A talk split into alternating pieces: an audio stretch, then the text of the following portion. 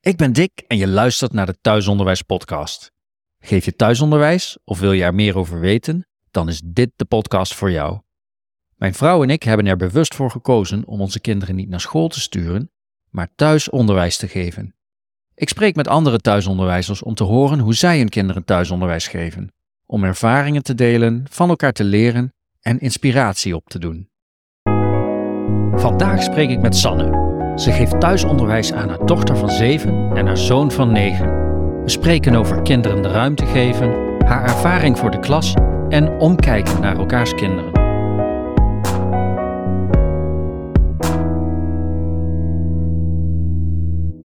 Sanne, welkom bij de Thuisonderwijs Podcast. Dankjewel. Kun je wat vertellen over je gezin? Jazeker. Ik heb een uh, wat oudere dochter, die is al in de twintig. En uh, ik heb een uh, zoon van negen en een dochter van zeven. En nog een zoontje van twee.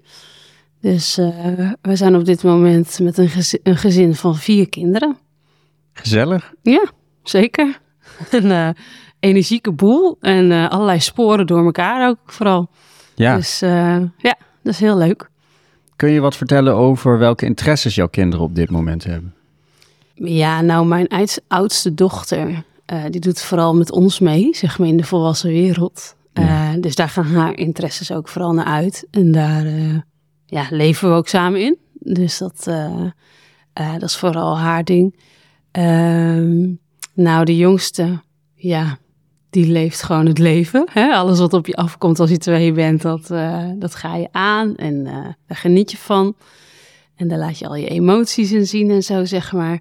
Nou, dan heb ik uh, een meisje van zeven, die, um, ja, dat is gewoon een, een enorm gevoelsmens, zeg maar. En dus die voelt ook heel veel met haar lichaam. Die beweegt ook heel veel turnen, zwemmen, dansen acrobatisch gym, dat soort dingen.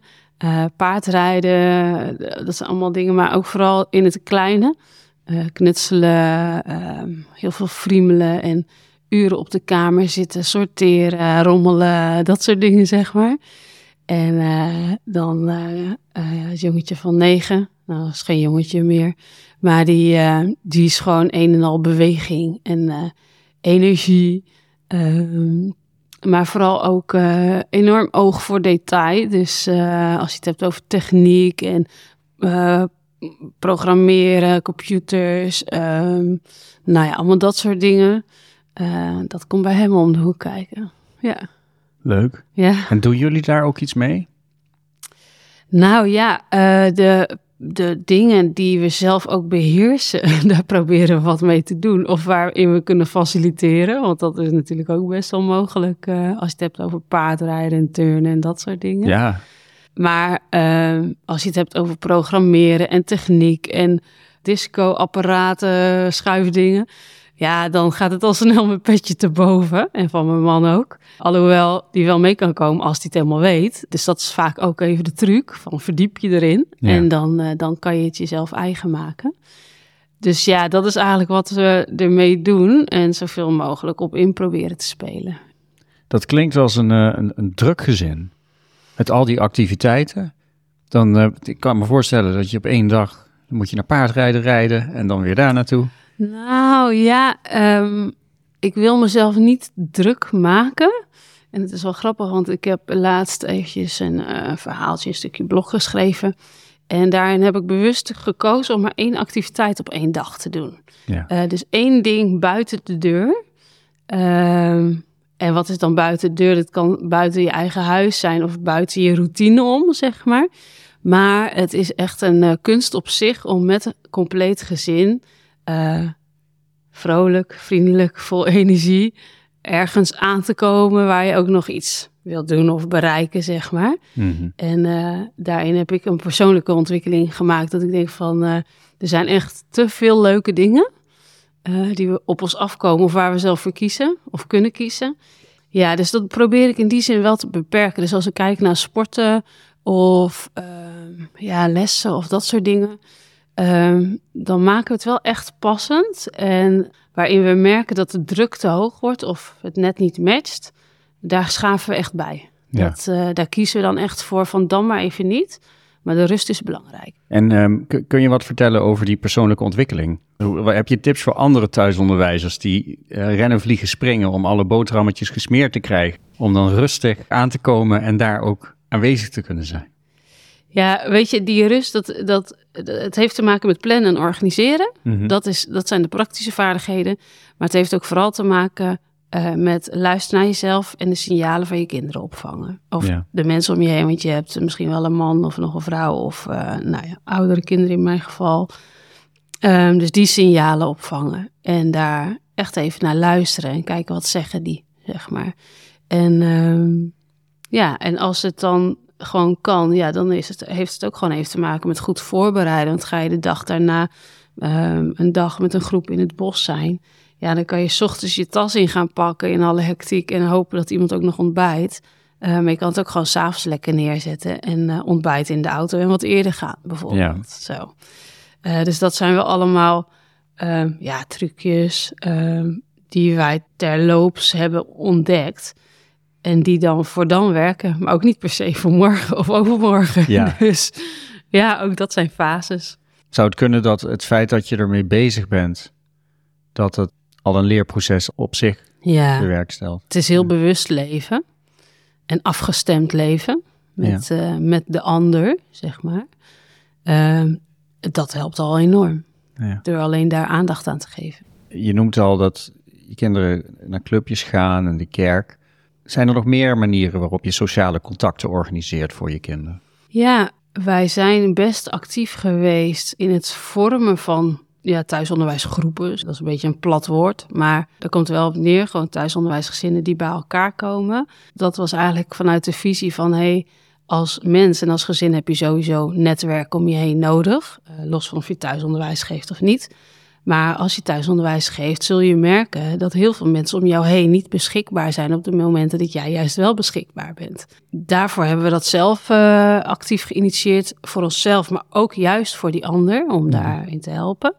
Dus daar zijn we een tijd actief in geweest en, en dan merk je dan ook dat in de jonge leeftijden dat dat heel helpend is. En uh, voor jezelf als ouder om in contact te zijn met andere ouders, maar ook uh, als kinderen gewoon om lekker ja, met elkaar op te trekken, te spelen, sociale vaardigheden op te doen en dat soort dingen. En ik moet zeggen dat, die, dat uh, de sociale interactie en zo nu vooral ja, meer ligt in de georganiseerde dingen. Dus inderdaad bij een vereniging of bij lessen of uh, en in de buurt. Wij hebben ja, een heerlijke buurt met veel kinderen en ook betrokken ouders. Uh, dus dat is heel fijn dat dat gewoon een soort van organisch ontstaat. Ja, dat is dan ook gewoon goed voor nu. Ja. En uh, nu gaan we weer kijken van, hé, hey, waar liggen de behoeftes nu, weet je wel? Dan moeten we toch weer iets meer die interactie op gaan zoeken. Of is het voldoende? Ben je tevreden over het aantal sociale contacten voor je kinderen? Ik merk dat het al snel te veel is, eigenlijk we zijn altijd een beetje gepoint daarop van, oh ja, dat moet wel voldoende zijn of zo. Maar als je een beetje ook gewoon de mens gaat bekijken, ja, dan hoeven we echt eigenlijk niet met z'n tienen op een kluitje te zitten en daar dan vaardigheden aan te leren of daar blij van te worden. En uh, dat merk ik dus nu ook, dat uh, daar in mijn beeld ook wel echt veranderd is. Het is fijn als het kan en het is leuk en het is ons zin. Maar ja, dat, het één op één in contact zijn met elkaar of gewoon in kleinere groepen, dat is vaak al voldoende. En dat ontstaat gewoon ook in kleine settingen. Als je zus langskomt met je nichtje of uh, ja, als de buurjongen net buiten speelt en je gaat voetballen of zo. Dus uh, ja. in die zin is dat echt uh, voor ons genoeg, ja. Ja, Ik, ik, weet nog uit eigen ervaring bij onze oudste dat we, omdat we nog niet goed wisten hoe het zou gaan lopen, dat we daar heel veel moeite in hebben gestoken om sociale contacten te organiseren voor hem. Ja. Nu heeft hij zoveel sociale contacten dat we kunnen de hele dag wel afspreken of iedere dag wel. Ja. En nu bij de tweede zijn wij ook wat rustiger van ja, dat mm. komt goed, want we weten hoe het werkt en we weten hoe we dat moeten doen. Nee, en van tevoren denk je dat het best groots is, maar dan blijkt het in het klein ook al voldoende te zijn of zo. En uh, uh, ja, wat op eerst een berg lijkt, daar, ja, daar wandel je overheen. En uh, ja, dat gaat dan prima. Hoe zou je jullie thuisonderwijs omschrijven? Hmm, leuke vraag. Ik uh, vertel het vaak zo tegen mensen dat je een beetje de school aan tafel hebt. Dat ik de juf speel of dat je ook de variant hebt van ik sta op en ik kijk hoe de wind waait. En ik denk dat wij een beetje in die tussenweg zitten. Ik uh, heb voor de klas gestaan, dus ik weet hoe het werkt. Ja. en het kan ten voordele zijn of ten nadelen. En beide ervaring. Maar ik hou ook ontzettend van de flow. Mhm. Uh, en de flow, dat klinkt zo zweverig, maar meer gewoon van: hey, als iemand ergens echt even in verdiept is, geeft diegene dan de tijd en de ruimte om dat ook echt eventjes te doen, in plaats van dat je weer wat anders wil aanbieden. Nu is het ook zo dat wij binnen ons gezin ook wel echt zoekend zijn naar omgaan met gedragsuitdagingen en uh, hoe werkt het in die koppies en dat soort dingen. Mhm. Dus wij hebben eigenlijk ook nog niet de tijd en de ruimte gehad om echt te bedenken hoe willen we het nou eigenlijk. Het is gewoon zo ontstaan zoals het nu is ontstaan. En uh, we hebben gemerkt, we hoeven ons geen zorgen te maken omdat er enorme achterstanden zijn of dat soort dingen. Dus we vertrouwen erop dat hetgeen waar je eigenlijk naar verlangt dat dat al wel was gebeurd, toch nog gaat gebeuren. Ja, soms vragen andere dingen gewoon even aandacht en ook langer aandacht en ontwikkeling. En dat heeft dan ook die tijd en die ruimte nodig. En dat wil ik dan ook respecteren. Dus het beeld wat ik heb als moeder en als juf. Van hé, er moeten bepaalde doelen gehaald worden. En dat hoort bij die en die leeftijd. Ja, uh, die heb ik in die zin van me afgeschoven. Ze zitten achter in mijn hoofd. En we weten ongeveer hoe het zou moeten. Nou, daar wijken we best wel een beetje vanaf. En uh, dat is soms lastig als je nog steeds dat beeld in je hoofd hebt. Uh, maar dan is het even de deal met jezelf. Van hey, kan je dat beeld loslaten omdat je kind aangeeft: ik heb behoefte aan uh, een ander aanbod. En uh, dat was wel de uitdaging van de afgelopen jaren voor ons. Waarin we dan nu wel merken, doordat we het hebben gedaan, dat er nu ruimte komt voor meer cognitieve input en dat soort dingen. En dat dat ook als een sneltrein gaat. En we er eigenlijk niks voor hoeven te doen. Weet je wel, dat het gewoon zich vanzelf aandient en vanzelf ontstaat. Ja. En dat vind ik heel erg mooi om te ervaren. Dus eigenlijk doordat je het loslaat, ontstaat er ruimte voor je kind om het zelf op te pakken. Ja, ja en dan nog heb ik wel op bepaalde gebieden gestuurd hoor. Dat ik dacht van nou, het is voor jou gewoon echt fijn bijvoorbeeld om wel een beetje te gaan lezen. Want de kinderen om je heen, die zijn gewend om te kunnen lezen. Uh, maar dan merk je dat je op bepaalde gebieden uh, niet helemaal mee kan doen hoor. En dat het niet prettig is. Dus daarin hebben we wel gezegd van nou, daar gaan we echt wel eventjes dagelijks mee aan de slag bijvoorbeeld. Ja. En dan kijken, niet onder druk, maar wel kijken, hey, kunnen we daar wat mee bereiken? Ja, dus dat punt hebben we wel bereikt van hé, hey, dit gaan we gewoon even doen met elkaar. Geeft het je ook zelfvertrouwen dat je juf bent geweest? Nee, dat is een beetje een gewetensvraagje, want eigenlijk is het helemaal niet helpend voor mij. Want ik heb zelf ervaren toen ik voor de klas stond dat ik echt dacht, wat doe ik hier, zeg maar. Als afgestudeerd persoon van 22 jaar of zo was ik toen, denk ik. Dat ik de ouders ging vertellen hoe het met hun kind ging. Dat vond ik heel erg lastig. Want ik dacht, ja, jullie zijn de ouders. En uh, ik kon wel vertellen, hey, als je naar het lijntje kijkt, dan zit je kind hier. Zeg maar, dat kon ik wel vertellen. Maar ik kon niet zeggen, hoe gaat het nou met jouw kind? Dat, dat, dat rijmde niet bij mij. Ik heb zelf al altijd wel van mezelf vaardigheden gehad op didactisch niveau. En uh, circuitjes vormen. Uh, nou ja, van alles wat je kan bedenken op didactisch niveau. En dat heb ik wel in mij. Ja. En dat rammel ik er zo uit. Uh, maar daar kan ik meer andere kinderen plezier mee doen en ouders dan mijn eigen kinderen, zeg maar. Dus dat, uh, daar moet ik thuis niet te veel mee aankomen, want dat werkt gewoon niet. En hoe komt dat? Sowieso lopen de sporen echt enorm uiteen. Dus tijdtechnisch gezien, ja, red je dat al bijna niet, zeg maar, om, om dat echt te faciliteren en zo. Dus dan kijken wij... Sporen, je bedoelt met, met je vier kinderen? Ja, ze hebben echt allemaal een ander lijntje. Uh, soms heb je nog wel eens van die kinderen die, die wandelen met elkaar mee of zo. Weet je, tenminste zie ik om me heen. Dat ik denk zo, mm, dat zou wel makkelijk zijn of zo. Uh, ja, die hebben wij gewoon niet. En dat vinden we ook heerlijk. Want we houden in die zin ook wel een beetje van je eigen route. Dus dat is ook helemaal goed. Maar dat betekent wel als je in een winterperiode meer in je huis zit dat je, dat je veel meer eh, moet kaderen en van wat pak ik aan, wat pak ik niet aan. En dan heb je wat bedacht en dan werkt het niet. En dan loopt het in de soep voor de ander. En dan toch, oh yes, een succeservaring, dus dit hou ik vast. Ja, zo kom je dan, ja, die winterperiode, dat klinkt een beetje negatief, maar uh, als, als het zomer is, ga je toch veel meer naar buiten en in de interactie met anderen en ontstaan dingen meer vanzelf. En dat is echt makkelijker. Dat uh, kinderen onderling gewoon projecten opzetten, bijvoorbeeld. En dan kan je als ouder ja, gewoon uh, in vertellen van ja, als je dan later werkt voor een baas of zo, dan werkt het zo of zo. Of als je je eigen bedrijf wil, ja, dan moet je toch hier aan denken. Of nou ja, dat soort dingen. je vertelde dat je um, een beetje tussen juf spelen en alles vrij laten inzit. Mm Gebruik je methodes of specifieke ja. lesmaterialen? Nou, die zijn wel om de hoek gekomen, sinds vorig jaar eigenlijk. Omdat ik gewoon merkte, oh ja, dat is gewoon makkelijker dan het allemaal zelf uitdenken. Um, maar ik, uh, ik haal daar niet per se helemaal de handleiding bij en dit en dat moet je doen. Want daarom ben ik dan wel juf geweest, omdat ik eigenlijk weet wat er in die handleiding zit. Nou, en ik hmm. doe het even linksom of rechtsom. En denk van, nou, bij mijn dochter kan ik dat wel overslaan. Bij mijn zoon moet ik dat even aanraken. Uh, dus als je het dan hebt over voordelen, dat is dan wel een voordeel. Dus de methodes zijn, uh, zijn om de hoek gekomen. Ik ben ook zelf heel... Ik hoef maar een woord te horen en ik zie al allerlei dingen voor me, zeg maar, die ik hmm. kan doen.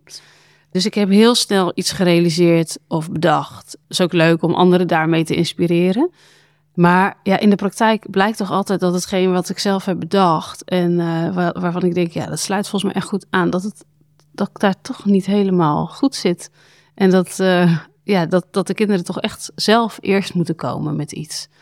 Dus uh, dat is nog een beetje zoeken. Van hoe ga je daarmee om? Intrinsieke motivatie moet er eerst zijn. Ja, ja, en ook al is dat er, of een bepaald thema wat er speelt, dan. Um, ja, dan zie ik al, nou, dan kunnen we wel dit doen, of we kunnen wel naar dat museum, of uh, hey, we doen een maandzus of zo. Dus ja, ik heb gewoon heel erg geleerd om uh, de dag de dag te laten en hetgeen wat ik paraat heb, gewoon in te koppen op het moment dat het voorbij komt. Ja, en, ja. Maar dan is het ook echt inkoppen, dan skort me krachtig en het effect is groot. Dan willen ze het weten en jij ja. staat er klaar voor. Je, ja. hebt die, je hebt die informatie die zij willen hebben. Ja, nou ja, of de vaardigheden, hè, want daar, dat heb je soms ook nodig, de vaardigheden en niet per se de informatie. Want ja, aan mij moet je niet zo heel veel vragen qua algemene kennis of dat soort dingen. Maar ja, daar heb je tegenwoordig echt heel veel faciliteiten voor. Ja, het zijn bij mij gewoon ook echt slurpers, dus die horen het. Maar ik, hoef het, ik moet het vooral niet herhalen, want dan worden ze echt boos gewoon dat hoeft niet. En je hoeft het niet te preken, krijg je dan te horen. dus dit is één keer is gewoon echt voldoende. En dan is het echt binnengekomen. En, en dat is dan ook echt zo. Want dan zie je, nou ja, twee weken later zitten, zitten ze het na te vertellen ergens. Of het komt op een tekening terug. Of nou ja, dat soort dingen. Dus ja, dat moet ik echt leren. Niet te veel input te willen geven. Heb jij een plan met betrekking tot thuisonderwijs voor je kinderen? Nou, nee, ik heb niet uh, per se een plan. Mijn karakter en mijn verleden, die streven naar een heel ontwikkelingsplan, onderwijs. Maar ja, ik weet nu al als ik eraan begin, waarvoor doe ik het? Zeg maar, het is leuk om een stip op de horizon te hebben. En uh, dat zou helpend zijn. Maar wij, hebben, wij, wij zijn ook maar begonnen, weet je wel. Mm -hmm. uh, we wisten dat dit de weg was voor ons. We komen nu eigenlijk meer in de fase van: oké, okay, nu ja, krijgen we het leven te pakken. Ik weet niet zo goed hoe je dat moet zeggen, maar ja. dus het moment van plannen maken en richting geven, dat breekt eigenlijk nu een beetje aan. Als we dat willen, zeg ja, maar. En maar dat, dat, is even ja. de vraag voor nu. Maar goed, daar, daar, daar hebben je kinderen nu ook de leeftijd naar. Of althans, je zoon. Ja, je merkt ook dat het een bepaalde richting opgaat, of moet zelfs, want anders kan het niet. Wat bedoel je daarmee? Nou, dat, dat er gewoon bepaalde manier van omgaan, maar ook leervaardigheden, uh, het aangaan van het leven op een bepaalde manier gaat. En dat, dat heeft denk ik ook iedereen in zich, een bepaalde ja, route. Uh, dus dan, dan heb je ook iets in handen om een plan of een richting te geven. En kan hij ook zeggen, hé, hey, mijn interesse ligt hier, dus wil je me helpen daarin? Ja ja, dat kan je allemaal van tevoren bedenken. Maar dat, dat heb ik dus geleerd. Dat ik denk, ja, onze jongste van twee, ja, dan ga ik, dat, dat, dat laat ik gewoon lekker los. En dat komt wel uh, op zo vroegst als die zes, zeven is. Maar ja. dat is nog vroeg. Dus in die zin is, is de oudste heeft wel de meeste, het meeste werk verzet, zeg maar, met zijn, met zijn vader en moeder, ja. Heb je nu meer vertrouwen? Mm, nou, vertrouwen hadden we eigenlijk altijd wel. Maar er kwamen best wat uitdagingen op ons pad, waardoor we dachten van, uh, poeh, is het nog haalbaar? En, want dat vertrouwen, dat hebben we altijd gehad. En in de haalbaarheid hebben we elkaar wel moeten aankijken van uh, wat is onze visie voor ons gezin? Moeten we dan dit pad blijven volgen? Maar haalbaarheid, wat bedoel je daarmee? Als thuisonderwijsgezin is het, is het soms best pittig ook. Je, je moet actief de connecties opzoeken. Je moet het zelf uitvinden. Dus voordat je dat eens uitgezocht hebt en zo, dan ben je echt wel een poos onderweg. Dan, ja. uh, dat duurt wel een paar jaartjes. Um, hebben jullie ook gedurende de week uh, hulp van anderen, opa's, oma's of misschien een buitenschoolse opvang of ja. zoiets? Ja, uh, we hebben een gastouder en dat is heel erg leuk. Het is ook een thuisonderwijsmoeder die thuisonderwijskinderen is gaan opvangen. Dus dat is heel erg leuk, want dan hebben ze ook leeftijdsgenoten. Want mijn kinderen, ja, die gingen van vier tot ouder.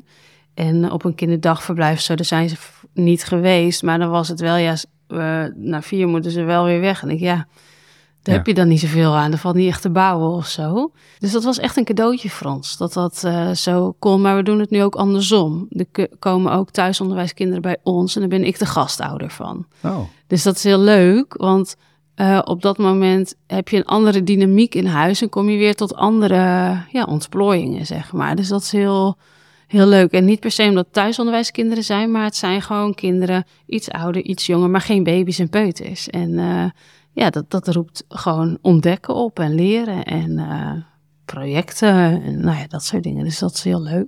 Ja, we maken ook wel gebruik van een BSO. Ja, en het sociaal netwerk, uh, daar hebben we meer gebruik van gemaakt eigenlijk. Ook wel lekker logeren en dat soort dingen. Uh, maar op het moment is dat weer even wat minder. Dus dat mm. ja, gaat dan ook weer met golfbewegingen. Dat klinkt heel interessant als je als gastouder andere kinderen opvangt. Want dan zie je ja. natuurlijk andere kinderen ook van heel dichtbij. Ja, je gaat echt in relatie met ze. Ja, en, en je eigen kinderen hebben de mogelijkheid om een band op te bouwen met iemand. En het moet natuurlijk wel matchen, want dat is wel cruciaal in zo'n geval. En in mijn geval hebben we gewoon echt een hele toffe uh, moeder die enorm goed is. Ja, ik weet niet hoe je dat moet zeggen, maar die uh, ja. ja, is gewoon een kanjer, zeg maar. ja, dat is gewoon echt heel fijn. En uh, waar, gewoon een plek waar je kind blij naartoe gaat, zeg maar. Dat, ja, dat, dat gun je elke ouder. En, en wat ik zo mooi vind eraan, want het, we zeggen gastouder, maar eigenlijk is het een vorm van omzien naar elkaars kinderen. En je kinderen dragen met elkaar ja. en samen bouwen aan je kinderen. En uh, ja, dat is eigenlijk wel een verlangen wat ik veel meer wil zien nog. Wat ik, uh, ja, waarvan ik denk dat kunnen we echt nog beter doen met elkaar. Ja, als, als gemeenschap ja. om elkaars kinderen ja. omkijken. Ja. ja. en niet eens als thuisonderwijzer hoor, maar gewoon... Um, ja, ik zeg wel eens van uh, die schuttingen in mijn tuin, die mogen echt weg, weet je wel. Want dat hokjesleven, ja, dat hoeft van mij niet per se, maar dat, ja, dat, dat is er gewoon, zeg maar. Maar dat zou wel mijn verlangen zijn. Dat je, zoals mijn moeder vroeger naar de buurvrouw ging als de naaimachine kapot was. En dan ging ze daar de kleding naaien, maar wij konden daar spelen, weet je wel. En dat was gewoon heel normaal. En dat, dat ging gewoon zo. Um, dat omzien naar elkaar en gewoon voor elkaar klaarstaan. En uh, ja, dus uh, gastouder zijn is leuk, maar het houdt meer in, voor wat mij betreft, dan uh, even je kind opvangen. Is er nog een ander onderwerp waar je graag over zou willen vertellen? Het eerste wat in me opkomt is de startende moeders, zeg maar. Mm -hmm. Nou heb ik gewoon een moederhart, dus dat, dat zit er ook gewoon in pakken of zo. Uh, startende moeders. Er zijn echt wel veel echtparen, vooral aan het begin van de thuisonderwijsreis, die niet per se op één lijn zitten. Waarvan de man zegt: uh, Nou, uh, mij niet gezien, maar als jij het wil doen, doe het dan maar. Mm -hmm. Of waar de man toch wel een beetje op één lijn komt, maar toch eigenlijk de praktijk is dat hij niet tot nauwelijks aanwezig is, dus dat het op de moeder neerkomt zeg maar. Ja, maar dat is vooral ook van uh, wat er geboren is in je hart, blijft dat uh, vasthouden. Want juist die eerste stappen zijn wel echt het meest uh, ongrijpbaar. Het wordt steeds grijpbaarder, zeg maar. Mm -hmm. En dan is het zo fijn om echt die mensen om je heen te verzamelen, even, die, die het bijvoorbeeld al hebben gedaan, of ook voor het eerst die stap gaan zetten. Of gewoon je eigen moeder of je buurvrouw om te zeggen: hé, hey, ik ga een nieuwe reis aan. Wil je er af en toe eens naar vragen? Weet je wel zo? Ja. Um, want ik denk echt dat het anders is voor de moeders dan de vaders, in de meeste gevallen. Want ik zie ook leuke voorbeelden, niet per se dat het goed is of fout, maar waar, waar echt hele fijne, actieve vaders zijn en die echt betrokken zijn in de gezinnen. En uh, dus ook niet fulltime aan het werk zijn meestal dan. Want dat red je dan ook niet als je een actieve, betrokken vader wil zijn, zeg maar. Uh, dus dat vind ik een hele mooie voorbeelden, omdat je daar uh, ja, een bepaalde balans in naar voren ziet komen. Maar de realiteit is gewoon zo dat heel veel moeders het uh, voor het grootste gedeelte alleen de reis aangaan. Ja, daartegen zou ik wel echt willen zeggen van blijf echt dicht bij jezelf en weet waarom je hiervoor gekozen hebt. En doe elke dag een stap, weet je wel. Echt stapje voor stapje en dan, dan kom je er echt, ja. Dat is een, een mooi einde van deze podcast, denk ja. ik. Ja, leuk. Sanne, heel erg bedankt dat je je verhaal wilde komen vertellen. Graag gedaan.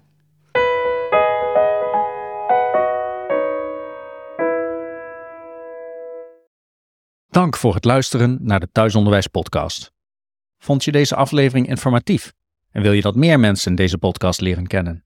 Schrijf dan een recensie op Apple Podcasts of geef een 5-sterren beoordeling op Spotify. Het maken van de podcast kost tijd en geld. Wil je helpen om nieuwe afleveringen mogelijk te maken? Doe dan een bijdrage in de Fooienpot op fooienpot met een d.com slash thuisonderwijspodcast. De link staat ook in de beschrijving.